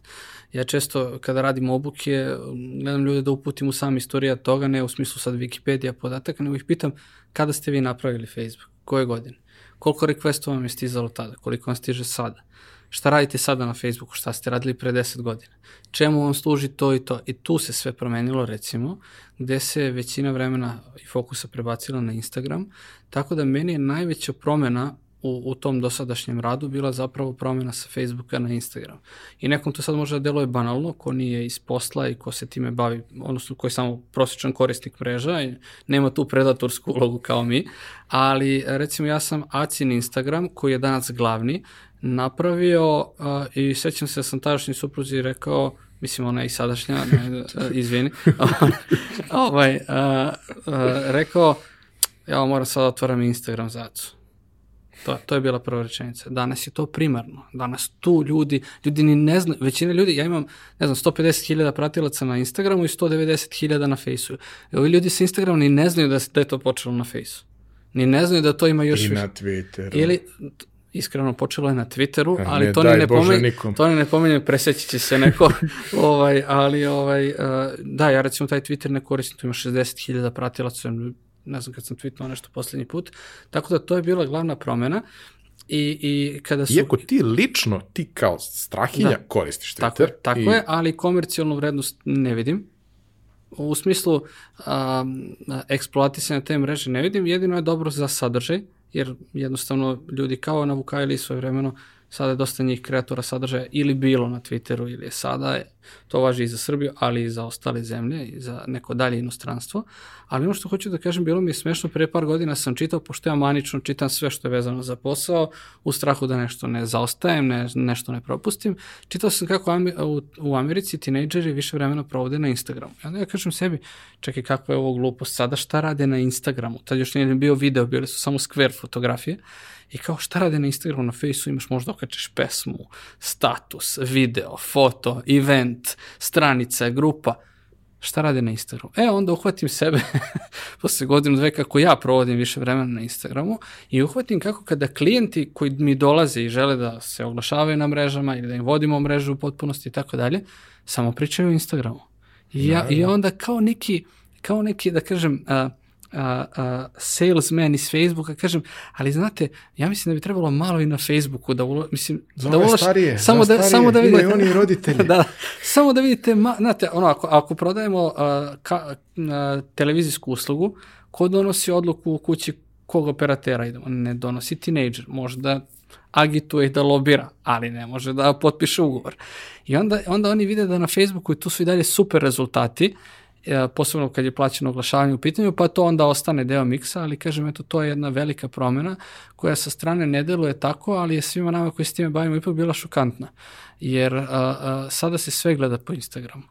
Znači, ljudi mi pišu umesto na mail, pišu mi na Instagram. A, Da, gomila ljudi koji prodaje nešto, imaju shopove, imaju sve, ali im 90% ljudi naručuju u inbox, na, odnosno u DM. Da, da, upravo to. I mislim da je to ogromna promjena i mislim da je Instagram tu celu igru podigao na viši nivo. O, ima tu i pozitivnih i negativnih posljedica, jel te, ali mislim da je, iskreno opet kažem, ne smatram sebe nekim vizionarom, niti su moje sad predviđanja ikada bila nešto posebno dobra, u što sam se uveren od svojih grešaka, ali... I, I kladionice. Da, to pre svega, to, to možete svaki dan da probate, ali, čak i svaki sat, ali a, ono što sam teo da kažem vezano za to jeste da, da u ono zlatno doba Facebooka sam verovao da je ta manija na vrhuncu, a onda se pojavio Instagram, gde mi sad stvarno imamo a, sad su to sociološki jel te, efekti i tako dalje, gde mi imamo Instagram kao merilo manje više svega. I sad, opet kažem, da ne uđem u tu neku mainstream priču, ugasite mreže i ostalo, nisam zagovornik toga, naravno, bilo bi ne, nelogično i paradoksalno, ali mislim da je Instagram to ludilo oko mreže i oko, nekog naše, oko neke naše pojave na internetu, to donao na još viši nivo i uh, sad stvarno mislim da smo na vrhuncu i nadam se da neće dalje da se, da se razvije. Tako da to je najveća promjena. Znaš šta se meni čini?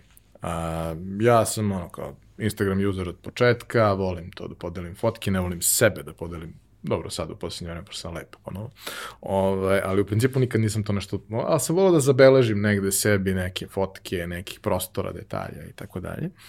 Ali ono što sam ja skapirao kao trenutak kad je sve otišlo dođevalo, za njih dobro, a za nas u smeru gubljenja vremena, je kad je došao story.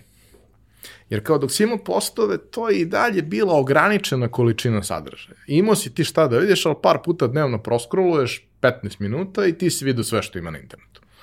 Sad, sad ne možeš da, da živiš na dva telefona istovremeno, ne možeš da vidiš sve što se dešava, posebno od kako vi influenceri, ne ti konkretno, ali tvoje kolege influenceri ovaj, objavljuju, jer su to neke količine sadržaja koje su uh, neverovatno velike, a došle su kroz pojednostavljivanje mehanizma kako da sadržaj objaviš. Jer kao, da, ljudi objavljuju dosta i na YouTube-u, mora se iscimaš, ne možeš baš tek tako da ga I tekako moraš da se iscimaš ako to treba da liči na nešto na YouTube-u. E, I da zvuči na nešto i tako dalje.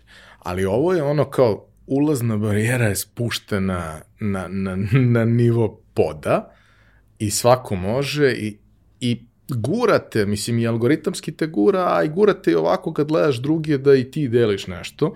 I mislim ja kapiram da je to i kroz neke svoje objave gde ja to pritom realno koristim vrlo malo, zapravo, znaš, kao za neke instant stvari gde mi treba neki feedback, često pitam i za ono, ideje koga da zovem u goste i tako dalje, jer kao, ok, ja sam autor i imam ja jasnu viziju, ali želim da ispoštujem naravno i one koji slušaju i njihove ideje i možda neko padne na pamet nešto što meni nije, tako dalje. Kao vidim koliko brzo dobijem gomilu ljudi, onda vidim koliko ljudi je zapravo videlo sve te objave i to je uvek, mislim, za mene koji nisam aktivan i nisam influencer, to je prilično wow brojka. E sad, uh, ti jesi krenuo, a, a sad i, i ja i ti, čak, čak i ti koji si pet godina mlađi od mene, mi smo stari ljudi na internetu, ovaj, ti si krenuo sa YouTube-om pre nekog vremena. Šta ti je to donelo, odnosno na koji, koliko je drugačije to sve, na koji način prosto da bi imao neki rezultat tamo, jer jeste potpuno drugačije od svega drugog, na koji način tamo treba da se postavi, šta je bilo kao, šta ti je bila ideja i kako je tekao proces Pa evo, opet ćemo sad da se vratimo malo unazad. Ja sam kad sam vodio stranicu ACA informacija četiri godine držao svoj identitet u tajnosti. To jednostavno, rekao sam, ok, ovo, ovo doživljam kao neku vrstu posla kada se to već uzbiljilo i nema potrebe da ja sa to kvarim svojim prisustvom. Iako su se ljudi oko toga skupili zbog onoga što ja pišem, jel te, i objavljujem. A, tako da, da a, sam onda postepeno, kad sam izašao iz toga, sećam se da sam to objavio na fejsu kao status, evo ko je Aca, ko, je, ko to piše. E, stavio sam onaj tracker za, za linkove da im koliko ljudi, 50 i nešto hiljada ljudi je kliknulo na link i dobio sam 2000 zahteva za prijateljstvo. To, ono, bukvalno prvi put da mi je zakucao Facebook, u, ikada. E, a, i to je, bilo, to je bio prvi korak gde sam rekao, ok, mogu da prezentujem i sebe na neki način. Mislim da je to generalno povoljno za mene, da ljudi znaju da sam to ja, zašto bih se krio od rezultata svog rada. A onda sam vremenom počeo da, da se ja pojavljam na toj stranici u nekom umerenom smislu kao autor toga, znači postalo je potpuno otvoreno ko šta radi i kako. E, onda sam, kao što rekao pre dve godine, napravio tatin dnevnik gde mi, gde, gde mi je cilj stvarno bio fokus i na deci, znači ne na meni. Ja imam svoju stranicu, imam sto svojih stranica da budem precizan, nema potrebe da imam još jednu na kojoj ću ja da se pojavljujem, da nešto se snimam i tako dalje. Međutim, tu je već dosta ljudi počelo da me prepoznaje na ulici a, i šta se onda desilo, onda sam rekao, ok, a, ljudi sa mnom imaju kontakt već godinama, a nemaju ga. Kako ga imaju? Ne znaju kakav mi je glas, ne znaju kakva mi je energija, ne znaju da li sam ja interesantan ili e, danima smišljam ovo što ću da napišem ili mi piše neko treće, ja sad, sad ono, uživam u, u plodovima toga i tako dalje. I onda sam rekao, ok, vreme je za sledeću formu, pomenuo si story koji kao jako bitna nova multimedijalna forma koja je stvarno moćnija od svih do, sad, do tadašnjih objava na Facebooku i na Instagramu i na Twitteru. I onda sam rekao, ok, hajde da probam nešto što je još moćnije, da vidim kako će to još moćnije oružje da izgleda u mojim rukama. da li ću da se upucam u nogu ili ću na ovaj da napravim nešto korisno. I onda sam s tom idejom krenuo YouTube i prvih nekoliko videa koje sam snimao, snimao sam sa ciljem da da uh, bude sportskog tipa, da, jer to je nešto gde ja plivam. Dobro, recimo. I onda sam krenuo na opšte teme, što mi je zapravo i bio cilj, i dobio sam super feedback uh, od ljudi, što mi je bilo značajno, jer ono, naravno ne mogu svi da vas vole, ne mogu svi da vas ne vole, ali normalan i razuman čovek gleda neku proporciju i kaže da li je to dobro ili loše. I uglavnom sam dobio pozitivan feedback i moram da kažem da mi je YouTube postao omiljena forma. Doduše ja sam to snimao tri meseca, pa sad tri meseca nisam, što zbog virusa, što zbog uh, posla i tako dalje, ali mi je YouTube doneo to kao, e, sad možeš da pokažeš sebe baš sebe i šta, kako ti razmišljaš i da vidiš, da, kao što si ti rekao, da dobiješ neki feedback od ljudi. Nemaš ograničenje ne, u smislu apsolutno. količine nečega. Jer, eto, neskromno sebe smatram, jel te, vrlo kreativnim i onda kažem, ok, čekaj da vidim gde ta kreativnost može da ode i gde su njene granice. Naravno da postoje neke granice za šta god, mislim, za koju god vrstu sadržaja da stvarate. I zato mi je YouTube bio interesantan i dalje mi je interesantan i planiram uskoro da se vratim, to mi je onako velika želja, ali stvarno od posla i od obaveza ne stižem. Ali mislim da je, iskoristit ću sad jednu frazetinu koju koriste naše kolege, a to je da je video budućnost. I jednostavno, eto kažem, YouTube mi je dao šansu da prikažem sebe ljudima, da vidim kako će da reaguju i da vidim e, kako ja to i na koji način mogu da kreiram, ispoljim, stvorim, da dobijem neki feedback na to. Tako da, slobodno mogu da kažem da mi je YouTube najmanja mreža za mene lično, ali omiljena. Uh, kako si odlučio da uh, uđeš u priču sa tatinim dnevnikom? Rekao si negde onaj neki, neki osnovni motiv da se čuje i glas druge strane, ok, ali suštinski glas druge strane je tu vrlo malo prisutan, fokus je na uh, deci. I Mislim, ja sam ti rekao pre neki dan, neću to kažem sad opet, ali me generalno dosta dece mojih prijatelja užasno nervira.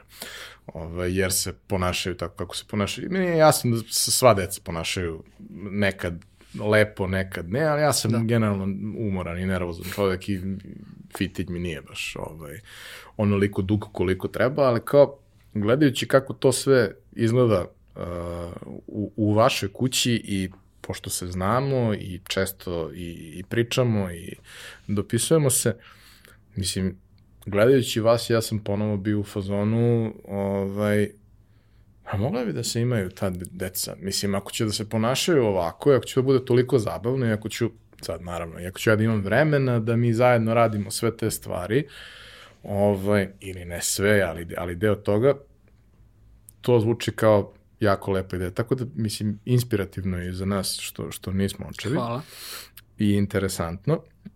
Ali kao kako je to u, u, u tvom slučaju a, prosto izgledalo? Jer početak je, znači, izlazak iz zone komfora u svakom smislu, to nema veze sa onim što si do tog trenutka radio. A, ne postoji ništa slično, to šta rade mame influencerke ne pratim, jer ne, imam jednu jetru i ne, nema, nije nužno. Mislim, šalim se naravno, ali znaju ljudi da ja... Nisi ciljna grupa, recimo. Da nisi, recimo, Još na primjer, možda. Ovaj, ali većina tih stvari mi je baš onako over the top. Uh -huh. principu. Ima i koji nisu, ali vrlo je, vrlo je redko postoji taj neki ovaj, zdravi, zdrava granica. Eto, da, da, da tako kažem.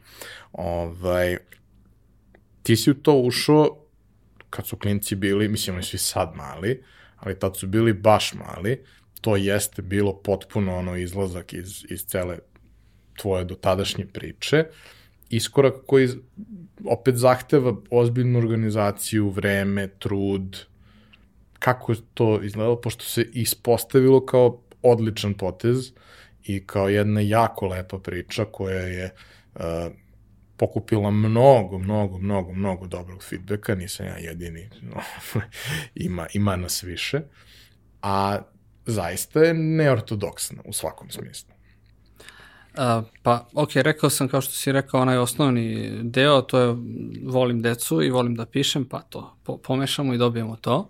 A, međutim, evo kako je to bilo. Ja sam a, ovde danas nismo ni pričali, nema ni potrebe o, o nekoj dosadnijoj strani marketinškog posla. To su mailovi, komunikacija, ads manager gde vi pratite kampanje, optimizujete ih i tako dalje. Sve to radim ja, godinama već. I u jednom trenutku sam došao do situacije da sam toliko u ads manageru, odnosno za one koji ne znaju šta je manager oglasa, gde vi gledate budžete, rezultate, podešavate kampanje i tako dalje, da je to počelo da me guši i ja imam tako uh, nalete kada sam čini mi se lično više kreativan i kada sam manje kreativan.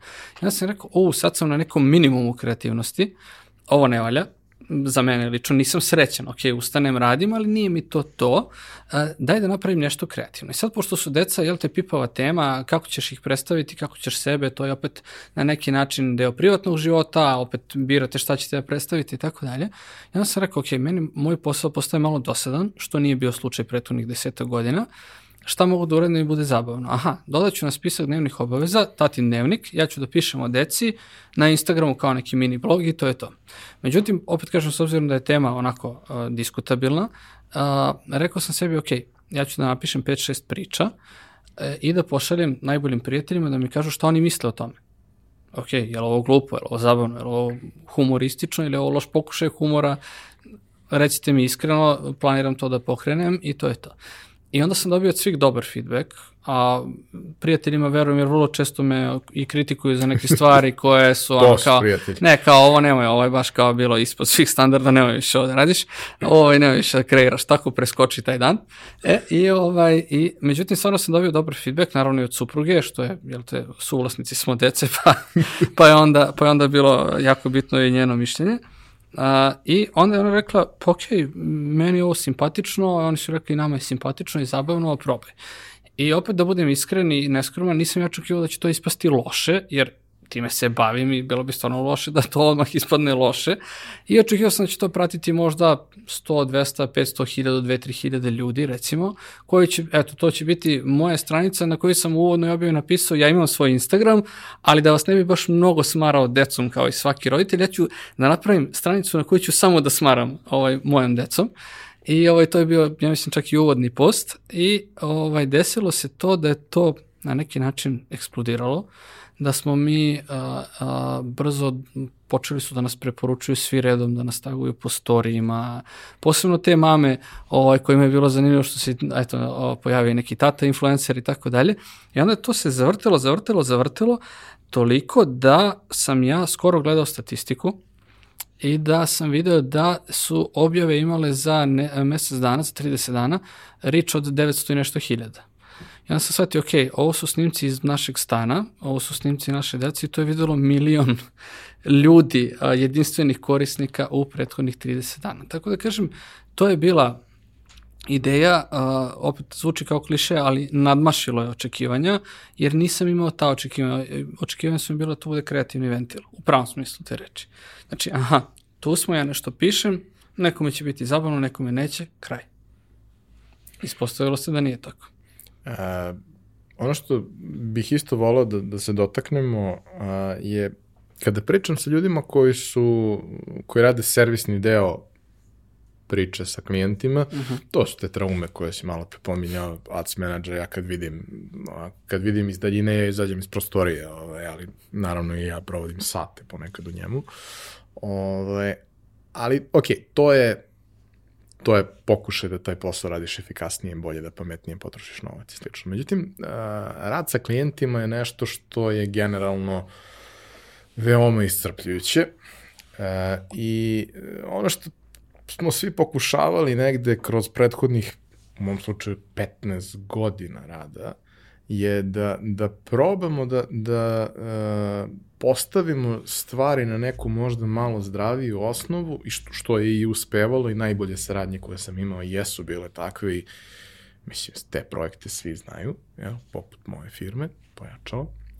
Ovaj, a to je vi znate svoj posao, ja znam svoj posao. Hajde da postoji neko poverenje. Ja ću prema vama da imam uvek poštovanje i poverenje, ali i vi mene poslušajte nekad u životu, da idemo u mater. Mislim, znaš. A, iskustva su vrlo redko takva. Kada radiš agencijski sa klijentima, ajde tu možda i postoji, jer izgradi se odnos kroz vreme. Ali kapiram da kad radiš, a ti radiš jedno i drugo, kad radiš kao influencer, da je to još teže, jer su to vrlo često ad hoc stvari. Nekad su i sistemske, super je kad jesu, naročito kad je to nešto što, što je no, delite vrednosti i proizvodi su koje koristiš i tako dalje. Ovaj, ali nije to baš uobičajeno često i slično, odnosno kod nas klijenti i ljudi generalno misle uh, I have the money, I make the rules, što u principu najčešće prolazi, ali možda kad bi malo manje prolazilo, možda bi svima bilo bolje eventualno, možda, ne znam. Kako to izgleda iz tvog ugla? I agencijski deo, a naročito ovaj deo koji se tiče Jer ti kada si influencer, to, to si ti. Kada si agencija, klijent kaže ti uradiš, mislim, ne, ne potpišeš se i ideš dalje. Ali ovo si ti. Ovo si ti, ovo su tvoje deca, tvoja porodica. Tako je. A, prvo, vratit ću se samo malo nazad kad si pomenuo YouTube. Ono što mi je YouTube doneo jeste da sam se ja na neki način prezentovao ne samo zajednici koja me prati na razne načine, na raznim stranicama, već i agencijama i klijentima, gde ljudi, aha, evo ga čovjek, priča nešto 10 minuta, priča nešto što je relativno normalno, zabavno, pismeno, uh, ok, možemo da ga, s njim izgleda možemo da sarađujemo. I to mi je recimo YouTube doneo, a vezano je za ovu priču, jer su ljudi kroz uh, taj osjećaj mene, znači ne samo onoga što ja kreiram, već kako ja funkcionišem, opet kažem, nazovimo to energijom, kakvu energiju imam, rekli, ili nemam, ovaj, rekli, aha, uh, on je cool, možemo sa njim. I, I mislim da sam tu dobio dosta baš u ovim odnosima koje si ti pomenuo kao agencija i kao influencer. Uh, s jedne strane kao agencija kao, aha, ti imaš dosta iskustva, ti si radio to, to i to, postoje neke reference na tvom sajtu, mi tebi samim tim malo više verujemo kad ti kažeš to i to. Ali, baš ovo što si ti rekao, što mi češće pričamo, to je veća šansa da ćemo neke stvari da ispravimo, jer a, baš kao što si rekao i kao što si podelio skoro a, onaj dogovor marketinški od pre 60-70 godina, gde se kaže da klijent nikad neće znati o marketingu koliko zna agencija, a da agencija o tom poslu neće znati koliko klijent. I mislim da je to neka, neki međuprostor u kom treba plivati, ali da što češće treba ispravljati klijente sa dobrom namerom i da mislim da to je jedini put da ovu, da kažem, industriju menjamo malo po malo, posebno mi, ajde svrstit ću i sebe u taj koš koji imamo relativno dosta iskustva, pa onda možemo da kažemo i da nekim znanjem ili iskustvom ili dobrom namerom koja se, jel te, podrazumeva ovaj, da, da neke stvari promenimo. Tako da iz tog agencijskog ugla, da, upravo si postoje i situacije kada, dobro, ako baš želite o, ovoliku sliku i ovoliki baner dobit ćete, ali ja mislim da bi to moglo malo lepše, malo svedenije, malo normalnije, ajde da testiramo, što nam digital, jel te, i dozvoljava. S jedne strane, e sad što se tiče influencer marketinga, tu sam odsečni, kao što si rekao, tu prezentujem sebe, bilo da je to na stranici Jaca informacije, bilo da je to Tati Dnevnik, bilo da je to YouTube.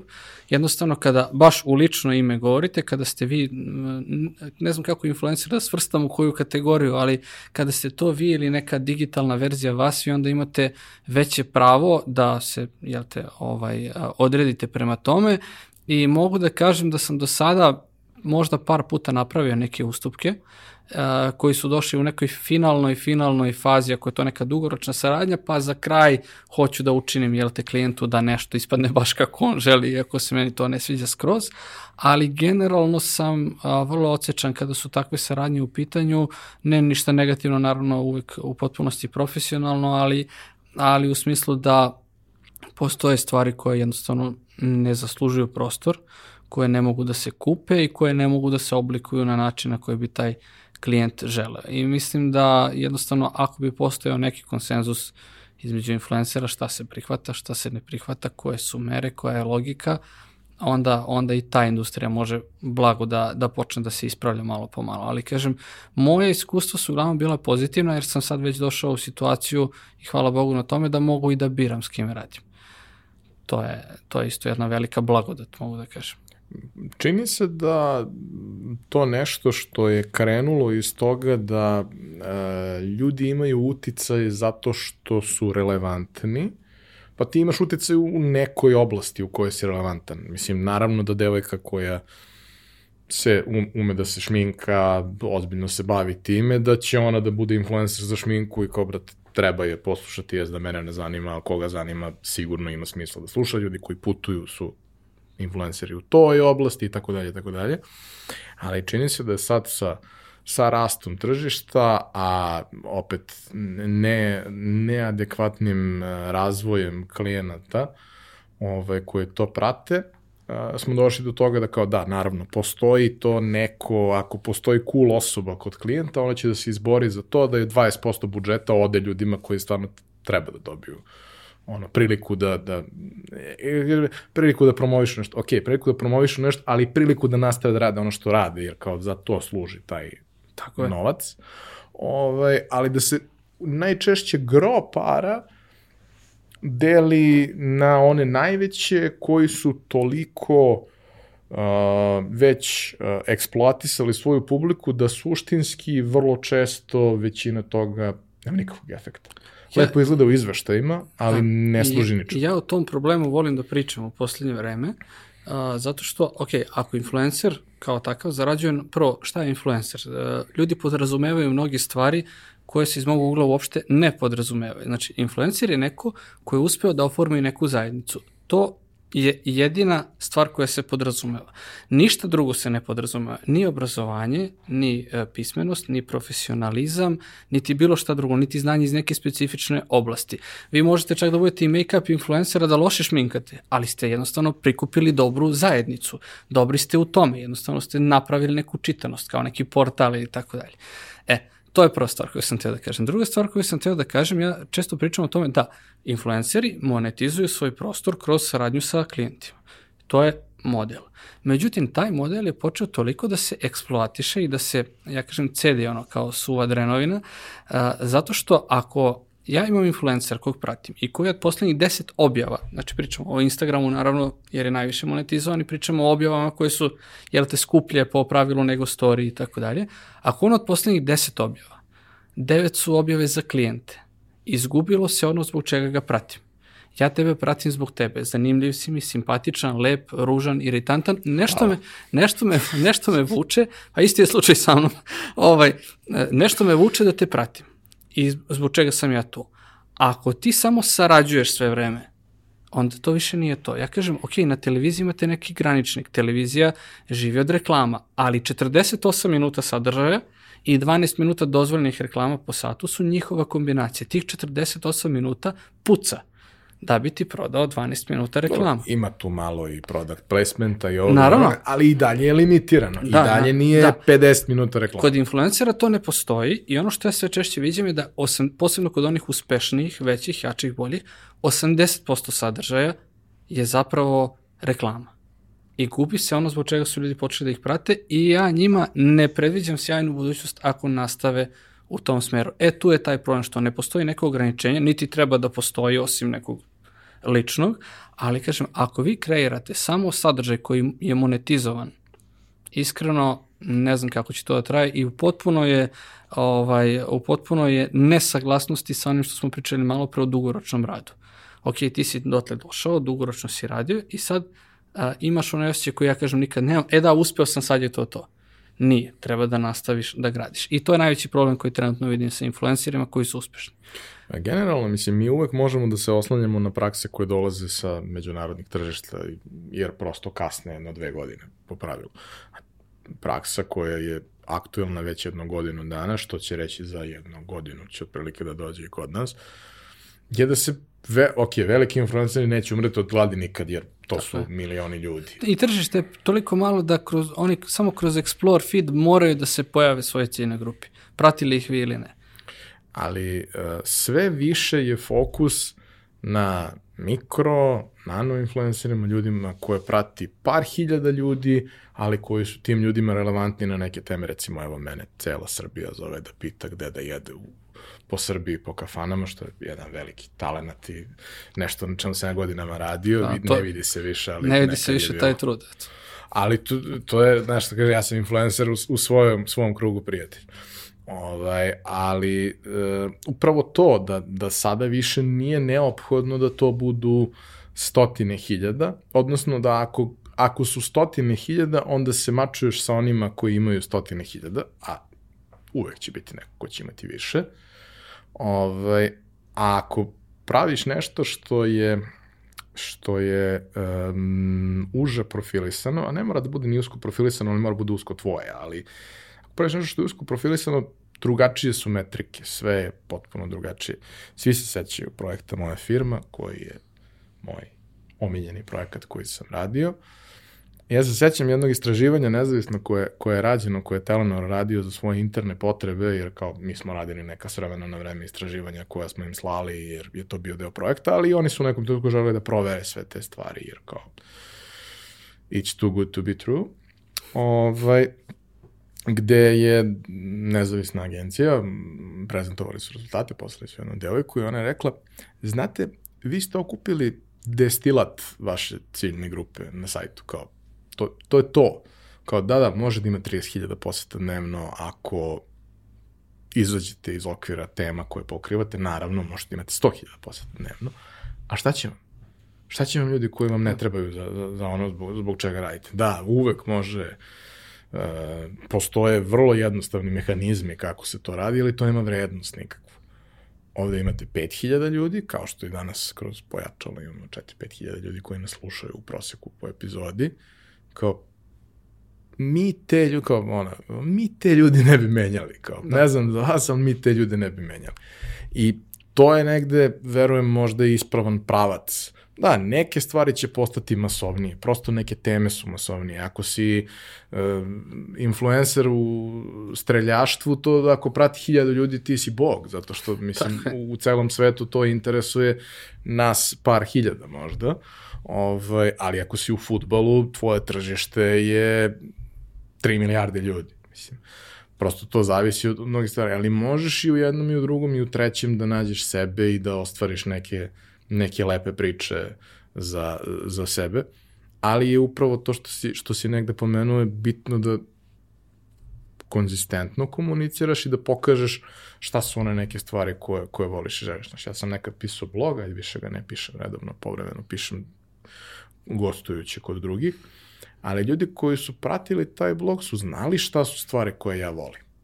I onda su nekako, znaš, znali da se sete kad se nešto od toga dešava, pa da me pozovu. Pa sam vozio, ne znam, ono, kompletno M eh, BMW na navaku, pa sam vozio sve AMG-ove na navaku, pa sam išao na neke utakmice, gde kao mi napravimo neki dogovor, naravno dobit će i oni vrednost, nije sporno, ali kao ja volim da utakmice, tu, tu se prilično lepo slažem. Volim jednu utakmicu, volim da obilazim. Volim kad, kad putujem negde, gledam da uklopim da i to bude deo cele priče.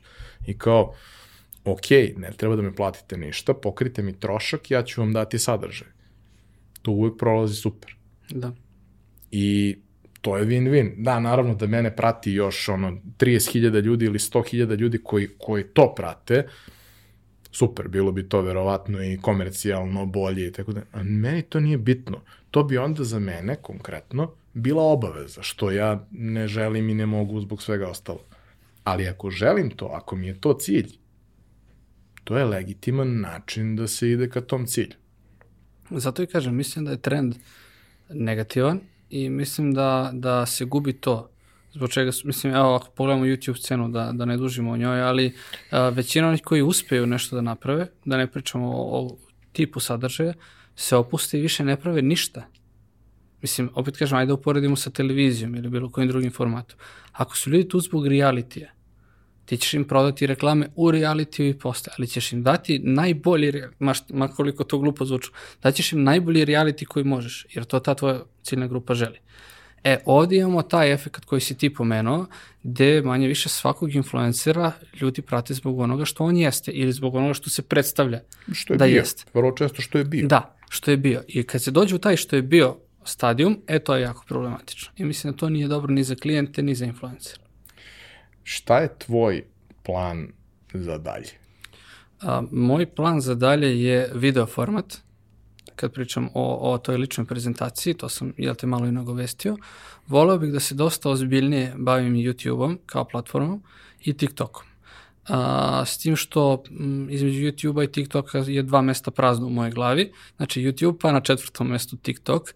To je nešto što mi je veoma interesantno a, i verujem da, da potencijalno može da bude neću da kažem a, komercijalna prilika jer ne vidim to tako, ali vidim kao neki šablon kako će se u buduće kreirati sadržaj. Jer vi sad već na TikToku da ne pričamo sto put ispričanu priču, ali ono, malte ne editujete video kako god vi poželite sa milion nekih efekata i ne treba vam nikakvo, pre, nikakvo predznanje iz te oblasti, tako da kažem, to bih voleo da testiram, da vidim u kom smeru će se to razvijeti, jer verujem da će to biti, opet kliše, ali budućnost digitala i marketinga na istom, tako da video mi je ono, primarni. A što se tiče kanala, ne kanala kroz platforme, nego kanala kao načina ispoljavanja? Pa, opet, uh, opet je to YouTube.